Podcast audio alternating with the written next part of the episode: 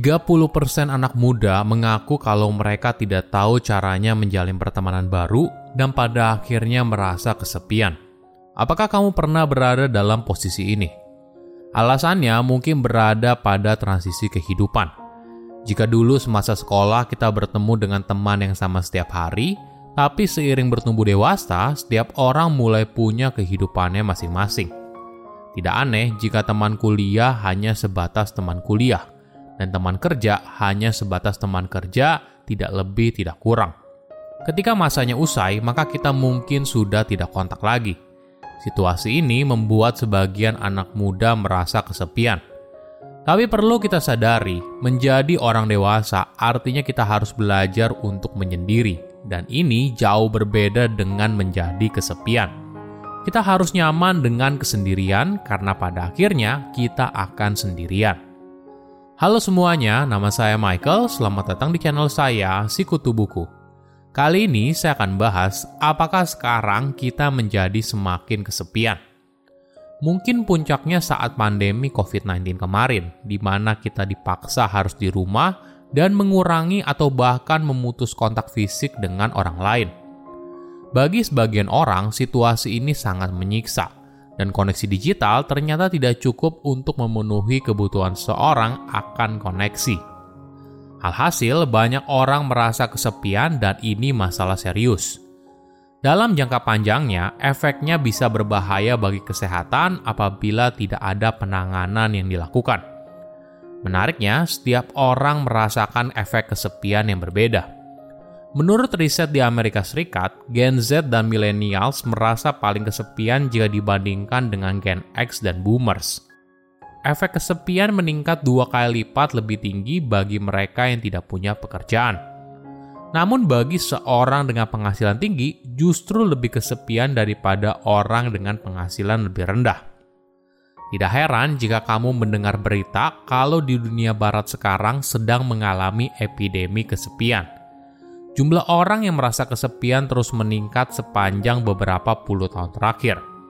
Kesepian tidak bisa dianggap sebagai sesuatu yang sepele. Peneliti mengungkapkan, efek perasaan kesepian justru punya efek merusak kesehatan seperti halnya kamu merokok 15 batang sehari. Pada tahun 2018, pemerintah United Kingdom menunjuk menteri urusan kesepian.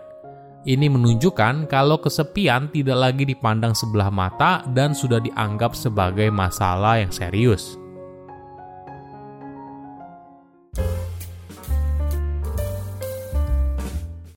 Seseorang merasa kesepian ketika kebutuhan sosialnya tidak terpenuhi, entah dari intensitas atau kualitas hubungan sosialnya. Jadi, ada gap antara kebutuhan dalam diri dan realita yang kamu jalani. Ibaratnya, ini seperti sebuah expectation game. Jika kamu tidak punya ekspektasi untuk memiliki hubungan sosial yang intim dengan seseorang, maka kamu tidak akan merasa kesepian. Jadi mungkin saja kamu setiap hari dikelilingi begitu banyak orang, ada teman kerja, teman nongkrong, keluarga, dan sebagainya, tapi di sisi lain kamu masih merasa kesepian. Gap antara ekspektasi dan realita membuat kamu merasa kesepian. Bagi anak muda, transisi kehidupan merupakan tantangan yang harus mereka atasi dengan baik. Misalnya, ketika mereka lulus kuliah, kemudian melanjutkan ke universitas, pindah ke kota atau negara lain, dan ketika berusaha menjadi orang dewasa seutuhnya. Jika mereka mengalami kesulitan dalam menavigasi transisi kehidupan tersebut, maka ini bisa jadi pengalaman yang diasingkan. Wajar saja saat masih duduk di bangku sekolah, kita bertatap muka dengan teman setiap hari. Namun ketika transisi dari sekolah ke bangku kuliah, kamu mungkin saja bertemu beberapa teman. Tapi belum tentu kamu punya koneksi yang dalam dengan orang tersebut. Sebagai orang dewasa, mungkin kita perlu belajar menyendiri tanpa merasa kesepian. Dalam bahasa Inggris, dua hal ini memiliki penggambaran yang jauh berbeda. Kata loneliness digunakan untuk menggambarkan betapa sakitnya kesepian. Sedangkan kata solitude justru digunakan untuk menggambarkan glorifikasi dari menyendiri.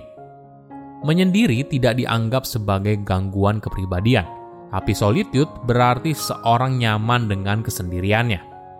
Ada orang yang tidak masalah dengan kesendirian. Misalnya, dia bisa pergi ke mall sendirian, pergi makan ke restoran sendirian, pergi nonton sendirian, dan sebagainya. Namun di sisi lain, ada orang yang justru tidak bisa melakukan semua itu. Mereka merasa aktivitas yang disebutkan di atas harus butuh teman, dan jika tidak ada, maka hal ini akan buatnya merasa sedih. Jadi, kita harus memahami perbedaan keduanya. Menyendiri adalah kondisi fisik di mana kamu hanya sendirian Sedangkan kesepian adalah kondisi perasaan di mana kamu merasa terasingkan atau tidak terhubung dengan orang lain, bahkan ketika orang itu duduk di samping kamu. Mungkin bagi sebagian orang yang merasa kesepian, solusi utamanya adalah dengan mencari pasangan. Logikanya sederhana, jika kita sulit punya teman yang selalu standby setiap kali kita butuh kehadirannya, maka pasangan bisa jadi solusi terbaik. Karena pasti dong, orang tersebut berusaha untuk selalu ada bagi kita. Tapi apakah ini pilihan yang tepat? Belum tentu.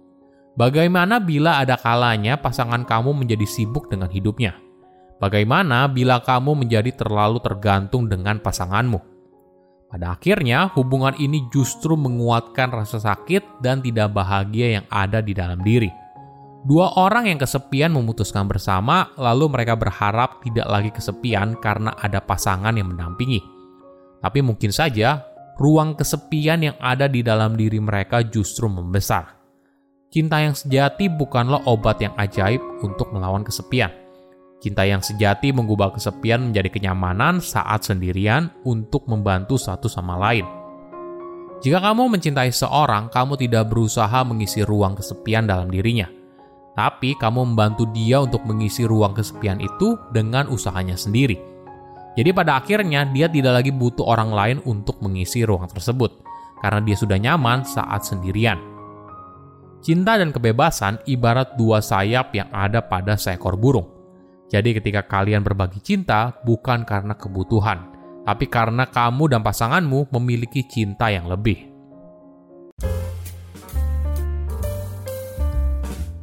Apa yang kita lakukan jika kita merasa kesepian?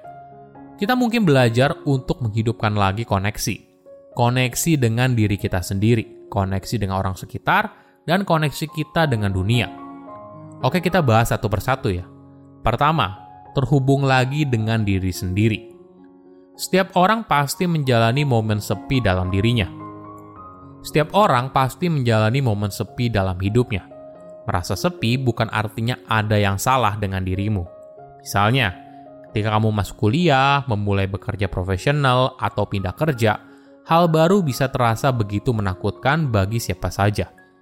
Jika kamu yang terbiasa dikelilingi orang yang kamu kenal, tapi tiba-tiba saja kamu masuk ke lingkungan baru di mana kamu sendirian, mungkin awalnya terasa aneh. Tapi di sisi lain, kebebasan untuk melakukan apa pun sendirian justru punya keindahannya sendiri.